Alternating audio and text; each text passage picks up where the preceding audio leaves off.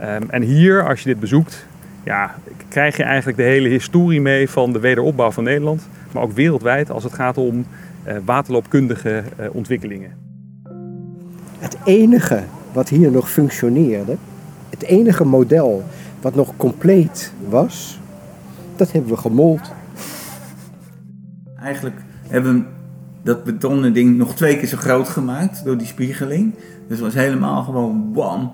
Maar en dan, en dan er doorheen gaan. Dat, dat je dus echt laat zien van we gaan hier doorheen. En dat is eigenlijk het, het, het, het zagen van die gaten geworden.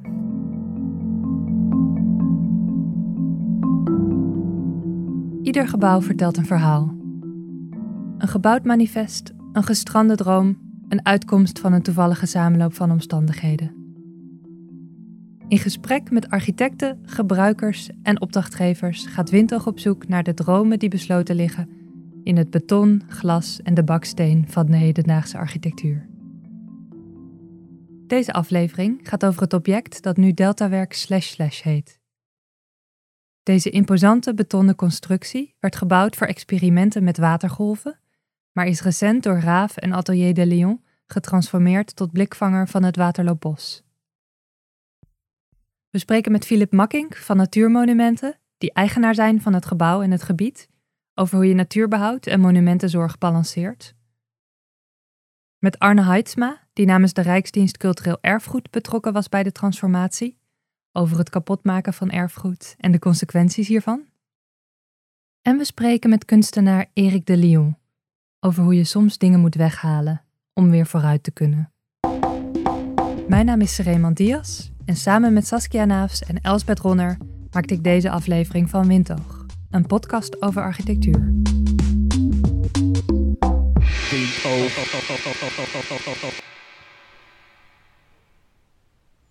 Aan de rand van de Noordoostpolder, op de grens met Overijssel, bevindt zich een merkwaardig stukje Nederland. Waar de Noordoostpolder misschien wel het meest aangeharkte deel van het land is, staan we hier in een woest stuk bos, waarin laag bij de grond nog net de restanten van bouwwerken te ontwaren zijn. Maar wat hun functie geweest is, is in de loop der tijd onleesbaar geworden. De haven van Ermuiden ligt hier op schaal, maar ook de haven van Libië en wereldwijd ook tot en met Bangkok zijn hier gewoon locaties te vinden. Dus Dit is het Waterloopbos, waar sinds de jaren 50 waterwerken op schaal getest zijn. Van de zeesluis bij Emuiden tot de Maaslandkering in de Nieuwe Waterweg, maar ook de havens van Lagos en Bangkok ze zijn hier stuk voor stuk als miniatuur gebouwd, getest en geperfectioneerd, om vervolgens in het echt gebouwd te worden. Maar toen computers eenmaal in staat waren om betere simulaties te maken, werd het laboratorium in het Waterloopbos halverwege de jaren 90 overbodig. Uh, wij hebben uh, in 2004 heeft Natuurmonumenten dit allemaal in eigendom gekregen. En wij zijn dit hele Waterloopbos aan het ontwikkelen. Het is inmiddels een rijksmonument. Um, en hier, als je dit bezoekt, ja, krijg je eigenlijk de hele historie mee van de wederopbouw van Nederland. Maar ook wereldwijd als het gaat om uh, waterloopkundige uh, ontwikkelingen. Maar tegen de tijd dat het in eigendom kwam van natuurmonumenten, lag deze heroïsche geschiedenis er vervallen bij. Dit stelde de nieuwe eigenaar voor een dilemma. Nou, vanaf die tijd zijn we ook gaan nadenken van ja, wat, ja, in alle eerlijkheid, wat moeten we eigenlijk met deze locatie? Uh, kijk, aan de natuurkant met al dat lopende water en bijzondere soorten, was iedereen snel overtuigd dat dit echt een aanwinst was. Maar voor de rest was er heel veel verval. Je zag al die modellen die waren allemaal tot ruïnes vervallen. Je zag ook bomen die overal dwars doorheen groeiden. Maar één model was nog wel in gebruik. De Delta-goot. Een gigantische betonnen bak van 240 meter lang, waar tot heel recent met grote krachtgolven doorheen gejaagd werden. Toen liepen we zo die, die bak in. Toen zei ik van, jezus, wat is dit saai. Ja, dit, dit is echt gewoon het was echt, echt gewoon, hij stond je wel beneden, is even indrukwekkend. En laat het nou net dit model zijn dat een sleutelrol zou gaan spelen in de transformatie van het Waterloopbos.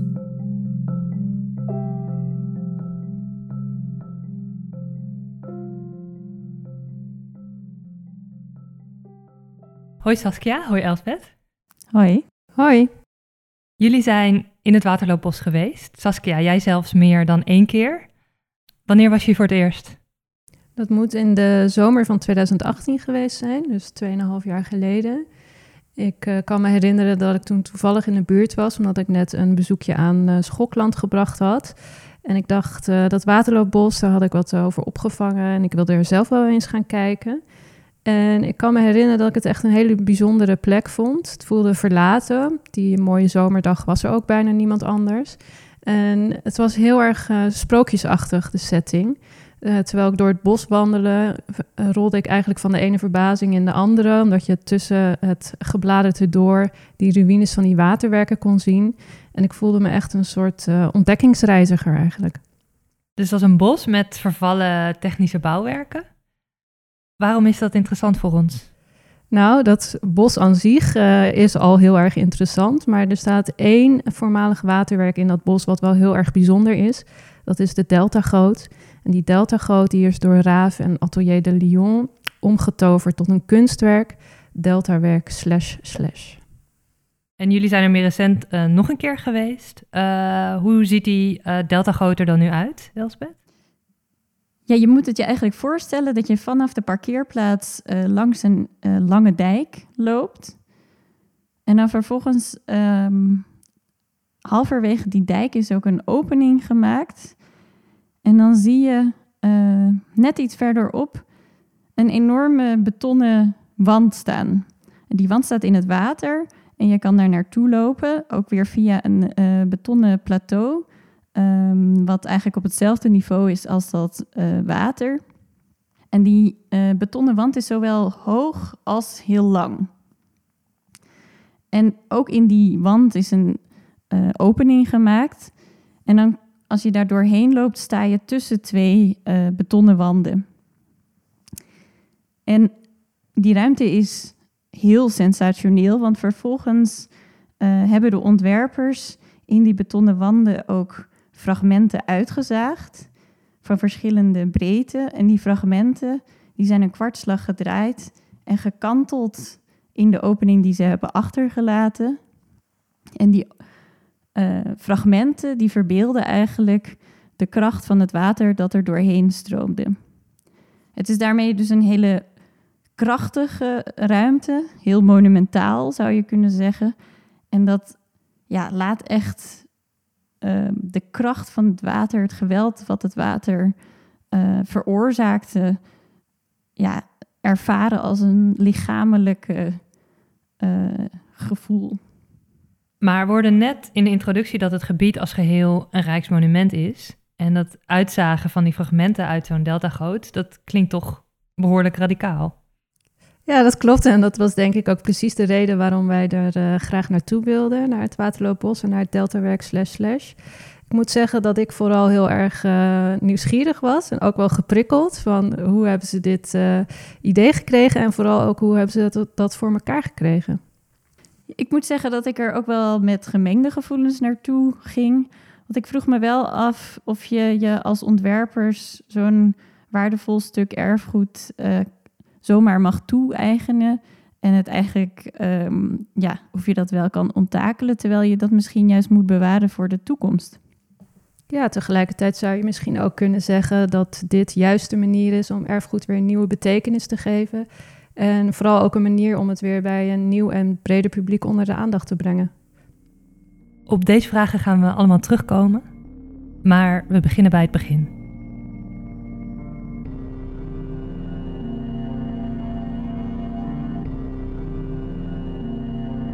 Deel 1. De totstandkoming.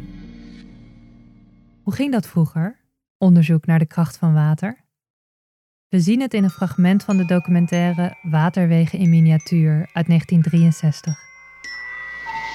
Daar onderzoeken mensen de problemen van het water. De kern hiervan is dat men natuurkrachten zoals golven, stromingen, wind, eb en vloed kan nabootsen. Dat men ze kan in- en uitschakelen en dat men ze kan meten. Op beeld zien we mannen en vrouwen in een soort avonturenspeelplaats. Te midden van meertjes met dijkjes en haventjes balanceren deze wetenschappers op kleine bruggetjes als ze snippertjes papier over het water uitstrooien om de stroming zichtbaar te maken.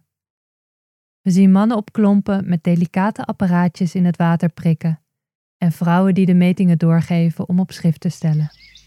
Men herziet de modellen meet telkens de diepte, stroom en de golfhoogtes en registreert die nauwkeurig. Volgende punt.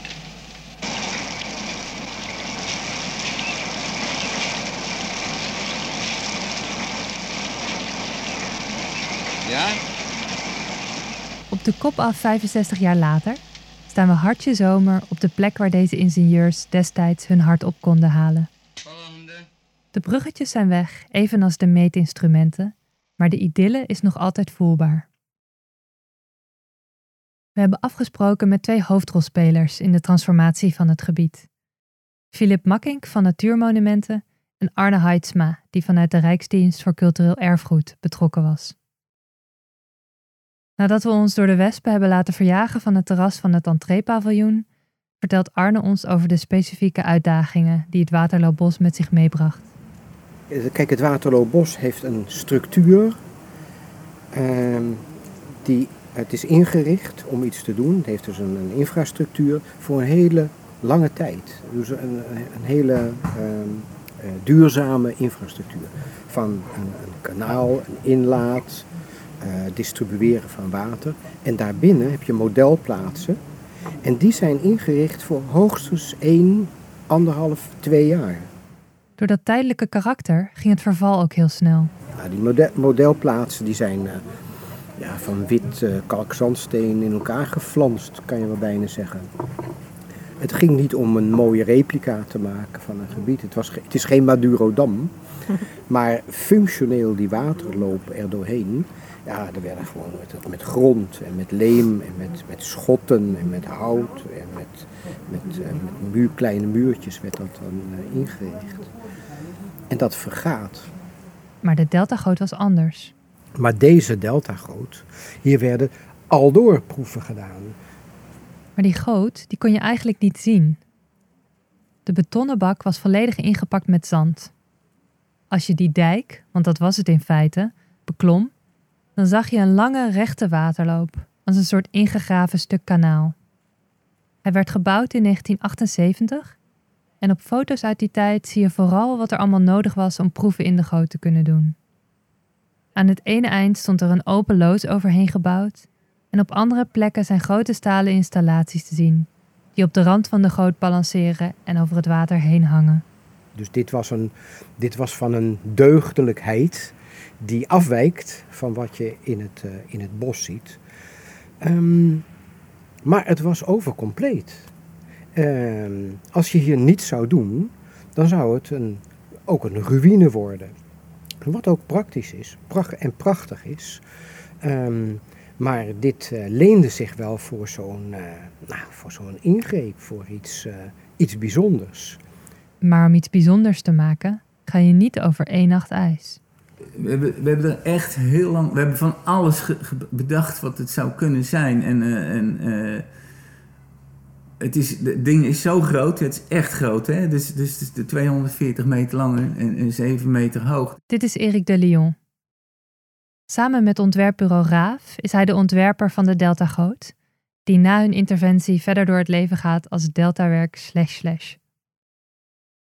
De Lyon beweegt zich als kunstenaar tussen architectuur en landschapskunst, een combinatie die bij dit project goed van pas kwam. We spreken hem in zijn atelier in Amsterdam, waar hij voor ons de kartonnen maquettes die hij tijdens het ontwerpproces van de Deltagoot heeft gebouwd, tevoorschijn heeft gehaald. Oh, dit is het stuk met de raampjes. Dit is het stuk met de raampjes, ja. Dat, eh, dat, eh, dat stuk gaat 9 meter de grond in. Hè, dus vanaf de bovenkant. En dat is natuurlijk ook Maar hij was niet bijzonder enthousiast over de Deltagoot, zoals hij hem aantrof tijdens zijn eerste bezoek. Want dat dijktaluut dat liep naar beneden tot aan 7 meter onder de grond. En dan zag je water. Maar dan zag je die, die, die wanden zo. En dan dacht ik van, jezus. Nee, dit is te saai. Hoewel het gebied als geheel wel degelijk tot de verbeelding sprak. Voor de insiders was het wel bekend, omdat het zo- zo'n bijzonder gebied was. Omdat daar de boel eh, eigenlijk als een soort eh, ru- eh, ruïne in, in, Nederland, die heb je niet zoveel. Dus, eh, dus het is mooi dat dingen, dingen vergaan en op iets laten zien wat er geweest is, maar ook du- duidelijk was wat er gewe- geweest is. Dus het was nog afleesbaar. En toen is hij er via Ronald Rietveld van Raaf, met wie hij vaker samenwerkt, ingerold. wij zijn, hebben ons erin verdiept. En in het begin hebben we eigenlijk alleen maar gekeken wat er, wat er allemaal was. En eh, wat het zou kunnen betekenen. En dat, dat is heel raar, maar op een gegeven moment dan, dan, dan gaan ze jou een soort expertise toedichten. Dat je het gewoon niet hebt, want je bent gewoon aan het kijken. En, eh, en toen eh, was het van ja, we, we, willen, we willen meer met dat waterloopbos. En er is ook een plan voor gemaakt. Dus, dus vanuit hunzelf hebben ze een, een soort planologisch eh, plan gemaakt van wat, wat, wat ze zouden willen. Dit klinkt allemaal nog redelijk vrijblijvend. Maar hoe gaat het dan verder? Er is natuur, maar er staan ook gebouwen. Wie gaan daar eigenlijk over? We gaan weer even terug naar Philip Makkink. Nou, toen is eigenlijk het grote denken gestart om hier echt mee aan de slag te gaan. En daar is met partijen zoals de Rijksdienst, eh, maar ook de provincie, gemeente en andere deskundigen ook, eh, is dat, is, heeft dat geleid tot de ontwikkeling van een plan, de ontwikkelagenda voor het eh, Waterloopbos. Dit betekent dat een aantal vervallen modellen gerestaureerd wordt, zodat weer zichtbaar wordt hoe het laboratorium in het bos ooit gefunctioneerd heeft. En de rest van de modellen wordt losgelaten, zodat de tijd en de natuur verder de vrije hand krijgen. Daarnaast wordt er gewerkt aan de toegankelijkheid van het bos. Dus er komen een parkeerplaats, een informatiecentrum, een café. Nou, dat hebben we natuurlijk ook gedaan omdat wij eh, ook natuurlijk wel goed aandacht hebben voor de druk op het gebied. Eh, het cultureel erfgoed heeft een belangrijke waarde hier, maar ook de natuur. Juist door al dat aanwezige water heb je hele bijzondere soorten. Dus voor ons is het ook steeds een afweging van oké, op welke plekken willen we wat meer en wat minder drukte en wat voor activiteiten we willen op welke plekken hebben. Dus daar hebben we natuurlijk ook heel goed over nagedacht.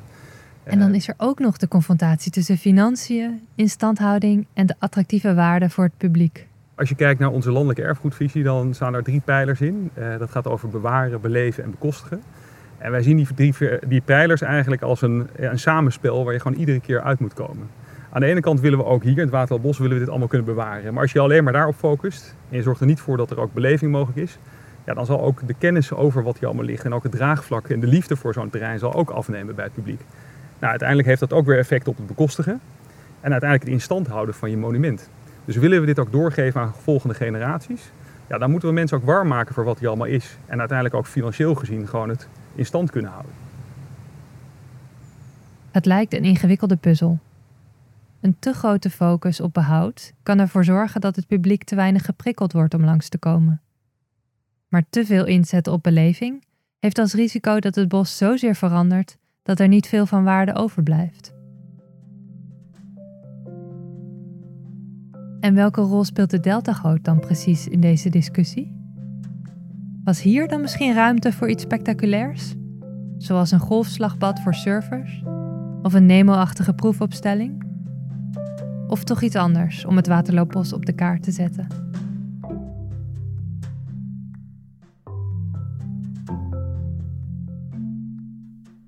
Deel 2. Het ontwerp.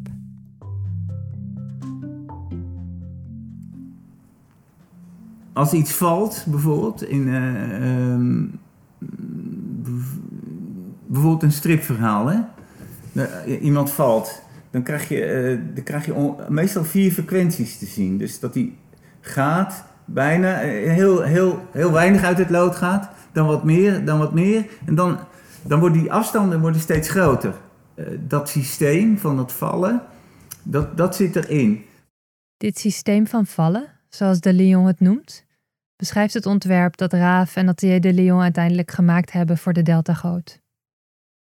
Met gigantische zaagbladen zijn tijdens de koude wintermaanden 27 fragmenten uit de dikke betonnen muur gesneden, gedraaid, gekanteld en toen weer teruggeplaatst in de opening waar ze vandaan kwamen. In eerdere samenwerkingen van Raaf en Atelier de Lyon lieten ze hun voorkeur zien voor simpele ingrepen met veel impact. Bijvoorbeeld het project Bunker 599 bij Culemborg, waar ze een bunker doormidden zaagden en er een pad doorheen leidden. Het opensnijden van het solide bouwwerk maakt het voorheen verborgen interieur zichtbaar. Er is niks toegevoegd, enkel weggehaald, en toch is de ervaring van de bunker volledig veranderd. Konden ze met deze ervaring gelijk aan de slag in de deltagoot?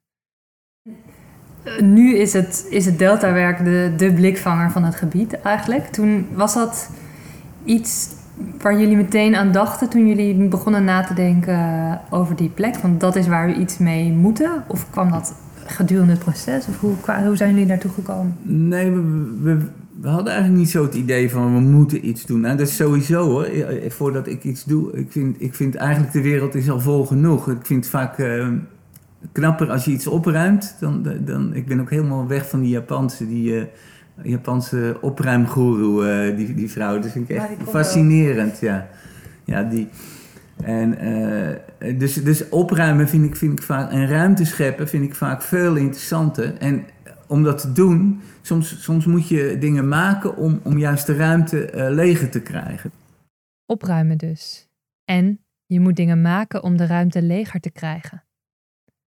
Wat betekent dat precies in het Waterloopbos? We hebben gewoon ook vanuit de, de, de dingen die daar waren, dus eh, de, de plekken die er al waren, bijvoorbeeld eh, die parkeerplaats die er was, dat was daar heeft vroeger een, een, een loods gestaan.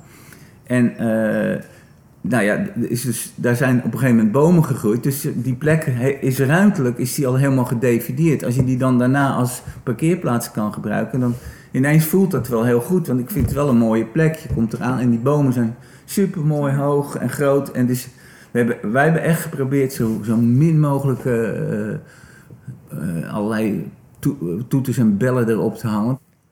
Maar de deltagoot vond Erik de Leon in eerste instantie hartstikke saai.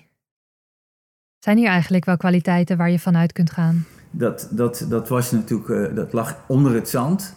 En dat was gewoon in de grond. En eh, dat hebben ze ook gedaan omdat als, ze- als hè, het is een bak van 240 meter lang. Twee keer, twee keer de eh domtoren. En dan heel veel zand er tegen, zodat je gewoon van bovenaf alles kon zien. En 7 meter hoog en da- daar werden de, golven in, gemaakt. En daar werden dus dingen in getest. En wat, wat onze ingreep was om, om dat ding ook ruimtelijk een rol te laten spelen in in het hele waterloopbos. En dat betekende dat we op een gegeven moment dachten van, we moeten hem gewoon uitgraven. Als je al het zand verwijdert, blijft de kale betonnen goot over. Achteraf is dit de vondst van het ontwerp, maar toen ze het bedachten, leek het toch in eerste instantie vooral alsof ze een nieuw probleem gecreëerd hadden. Eh, we hadden de ingang aan die kant gelegd. En dan ga je een, een, een, een betonnen gebouw ga je ervoor leggen. En dat is juist ja, bijna een contradictie. Hè? Eh, een ingang is niet met een betonnen muur eh, ervoor. Want het werd ineens nog hoger dan die 7 meter. Of, hè, dat, is, dat is een gigantische blok beton. En daarachter ligt het Waterloobos. Daar liggen, de meeste modellen lagen erachter. En het water, dat vroeger in de goot stroomde, brengen de ontwerpers terug door de goot rondom in het water te leggen. De, ingreep is dus eigenlijk die muur ervoor leggen en dat hele ding in het water te leggen. Dus eigenlijk hebben we dat betonnen ding nog twee keer zo groot gemaakt door die spiegeling. Dus het was helemaal gewoon wam. Maar en dan, en dan er doorheen gaan. Dat, dat je dus echt laat zien van we gaan hier doorheen. En dat is eigenlijk het, het, het, het zagen van die gaten geworden. Zagen is het uitgangspunt, maar vervolgens worden de losgekomen fragmenten van hun plaats gelicht en krijgen ze een nieuwe betekenis in het ontwerp. Een kwartslag gedraaid en gekanteld komen ze terug op hun plek. Ik denk dat ik denk dat, dat het, eh, de, de, de ruimtelijk de, de belangrijkste ingreep geweest is. Dat is echt een, een duidelijk statement. En je zou, je zou dat niet zo snel verwachten. En, maar dat is eruit gekomen door heel veel eraan te werken en te proberen, te tekenen, modelletjes te maken. De fijnzinnige manier waarop Eric de Leon over het ontwerp spreekt is opvallend. In ons vooronderzoek naar het project lazen we vooral over de conceptuele benadering van het ontwerp en de betekenis van het project. Beschrijvingen waar de Lyons partners van Raaf in uitblinken. Eric de Leon benadert het op een veel intuïtiever manier, waardoor juist het ambachtelijke aspect van het ontwerp meer op de voorgrond treedt. Dus, dus met die vier sequenties kan je dus dingen laten zien hoe dat valt. Dat, dat, dat heeft echt, dat, daar zijn, eh, moet je, dus eh, de standen die erin zitten zijn echt anders. Want als je dat niet doet, dan heb, je heel veel, eh, moet je heel veel dingen hebben en dan, dan ligt dus één ligt heel dicht bij de andere, zeg maar. En dat hoeft niet precies te zijn, want je ziet ook dat die blokken, sommige liggen iets meer door dan de andere. Maar je hebt dus de grotere en de minder en zo, die vier delen, zeg maar. En hoe kleiner die is, hoe meer die rechtop blijft staan natuurlijk. Hoe groter het blok is, hoe meer die valt. Hè, dat gat wordt groter. Ja, en dat is natuurlijk een fenomeen eigenlijk. Het is te simpel voor woorden eigenlijk. Hè? Dat, dat, en, en tegelijkertijd maakt dat zo'n groot blok wat helemaal naar beneden valt, dat maakt heel erg veel in. De, eerste keer dat, dat we eraan bezig waren, en, en, er was iemand eh, die, die kroop onderdoor. Nou, ik, schrok me helemaal te pletter. Eric de Lyon noemt het hier te simpel voor woorden. Maar je zou het ook een verregaande mate van precisie kunnen noemen. Die geen toeval is, maar het resultaat van heel lang puzzelen en proberen. Elke keer als ik iets maak, dan, dan eh, vind ik dat er een soort eenvoud in moet zitten. Een, en eenvoud is een handeling, weet je. Het zijn, het zijn bewegingen, weet je. Het, is een beweging. En dit is ook bewegingen. Do- Simpel, wat iemand simpel kan begrijpen. Van eh, doorzagen en platleggen of eruit halen. En eh, gewoon die je met je, met je lichaam kan doen. De bewegingen die je met je lichaam doet en die, die zo simpel zijn. Een ingreep van wegnemen, uitgraven, inzagen en verdraaien. Wat overblijft is een kaalgeslagen betonnen bouwwerk, dat nauwelijks nog herkenbaar is als de eerdere sleuf waar de ingenieurs hun metingen deden. Wat daarvoor in de plaats gekomen is, is een betonnen constructie die sereen in het water staat. Wat eerder onzichtbaar was, is nu toegankelijk geworden. We kunnen het zien, betreden en voelen. Het werk heeft een verbluffende nieuwe ruimtelijkheid, krachtig en monumentaal. Maar tegelijkertijd heeft het een bewegelijkheid gekregen door de kanteling van de vlakken en de schaduwen en weerspiegelingen van de zon en het water. Maar ja, de vraag blijft wel hoe verantwoord het is om zo rigoureus met waardevolle bouwwerken om te gaan. Is het niet een ongeoorloofde toe-eigening van iets dat van nationaal belang is?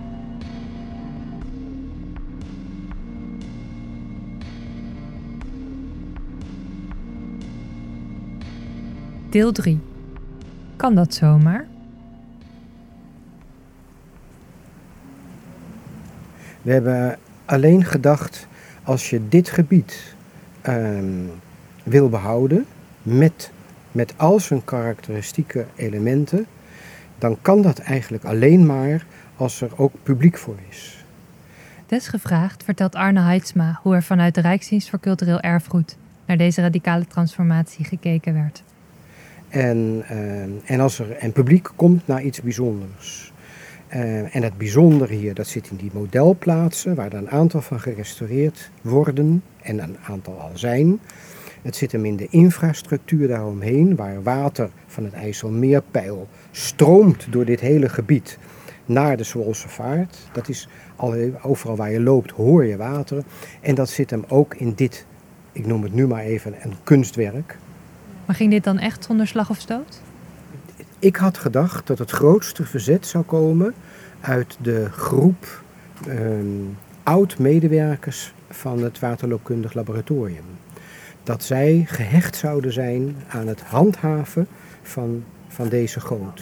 Omdat het nog het enige echte gave was. En het verwonderde me ook echt dat zij zeiden: Ha, kijk, lef, dit kan je er ook mee doen. En toen waren wij ook om. Philip Makkink valt hem bij. Er was ook wel behoefte om nou ja, wat extra's hier te bieden als publiekstrekker. Ehm, en dat heeft er uiteindelijk ook in overleg toen met de Rijks, Rijksdienst en andere partijen toe gezorgd dat iedereen het wel over eens was dat er wel op deze plek, eh, met deze grootte in ieder geval, ruimte ontstond om hier iets mee te gaan doen. Juist omdat de ingreep zo'n mooie link legde met het verleden. Eh, er is op deze locatie in het Waterloopbos eigenlijk altijd gewerkt aan kennis en oplossingen om tegen de natuur in eh, ons veilig te houden eh, en te ontwikkelen. En het symbool wat hier ook spreekt is dat eh, het idee is van Raven de Jong is dat je dit weer teruggeeft aan de natuur nadat het zo lang gebruikt is om juist te helpen om die natuur te bedwingen. Die aantasting waar Makkink naar verwijst, komt ook terug in de manier waarop Eric de Leon over het werk spreekt. dat je zo'n zo'n blok eh, durft aan te pakken of eh, dat je, dat, je, dat je er gewoon een soort macht of greep over krijgt, hè, dat die in elkaar gaat vallen. Dat dat, dat, dat ook, zelfs dat is tijdelijk, zeg maar. Het, het, gaat, het ding is namelijk ook, wil ook zijn wat wat de andere dingen in het bos zijn. Heel bewust introduceren de ontwerpers het verval. En daarmee het verstrijken van de tijd. En, en het verval moet erin zitten. En toen al hebben we ook gewoon die platen die, die, die, we, die we gezaagd hebben, hebben we ook naar het noorden laten vallen. We hadden het ook andersom kunnen doen. We hebben ze naar het noorden laten vallen. Dat betekent dat ze op een gegeven moment gaan ze gewoon. eh, er komt gewoon mos op en het wordt groen en het duurt, gaat lang duren. En dat, dat vind ik helemaal niet erg. Maar eh, het, het, het is wel eh, het teken van verval en dat het meegaat in. in eh, want hij, is ook kapot gemaakt. Hè? Net zoals die modellen kapot gemaakt worden door de natuur, hebben wij even een handje geholpen, zeg maar. In die, in die zin kijken wij wel anders naar erfgoed. Maar het moet iets opleveren. Je kan, je kan het ook conserveren en, en, en intact laten, maar op een gegeven moment wordt dat bijna krampachtig. En je kan niet meer verder, hè? Je wilt wel weer verder met de wereld.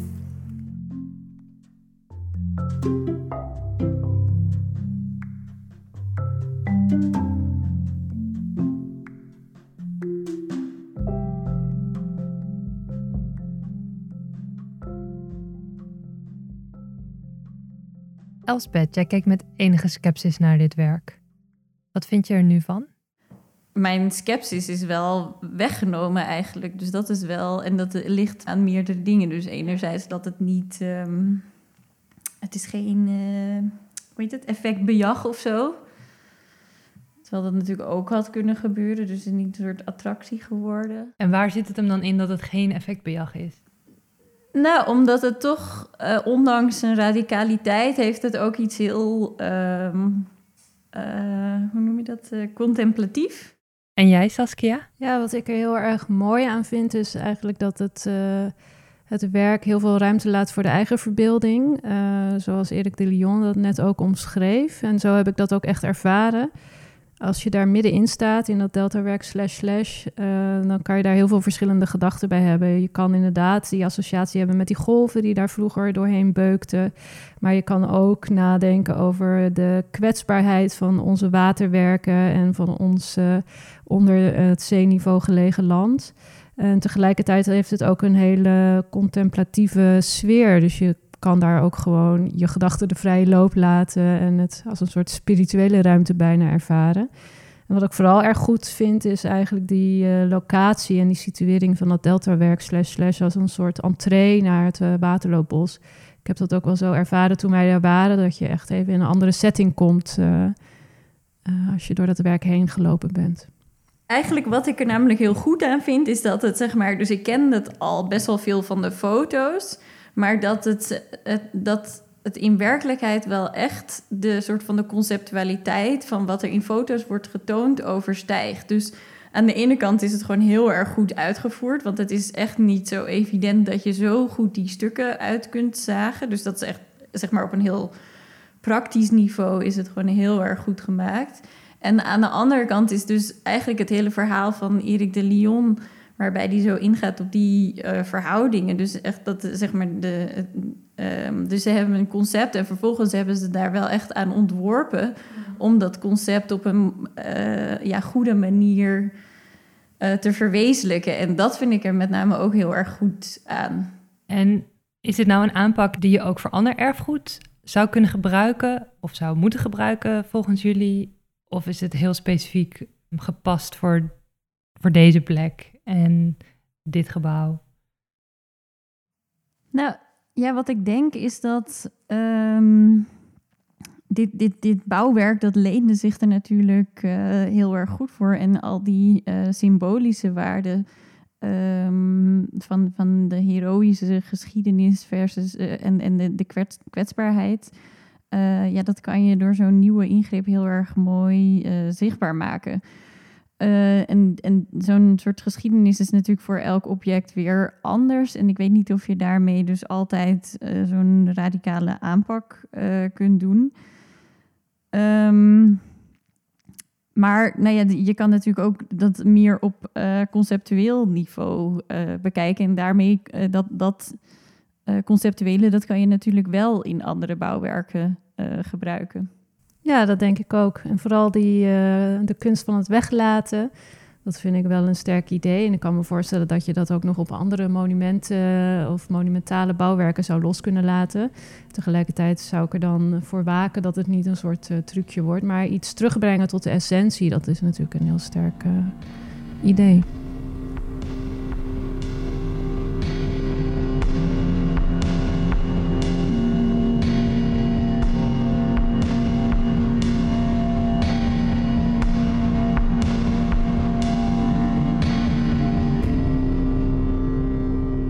Dit was Windoog. Veel dank aan Erik de Leon, Arne Heidsma en Philip Makkink.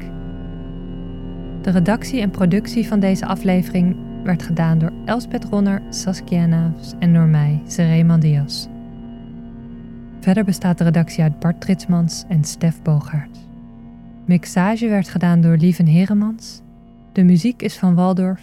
Het grafisch ontwerp van Team Thursday en de website werd gemaakt door Jurgen Belien.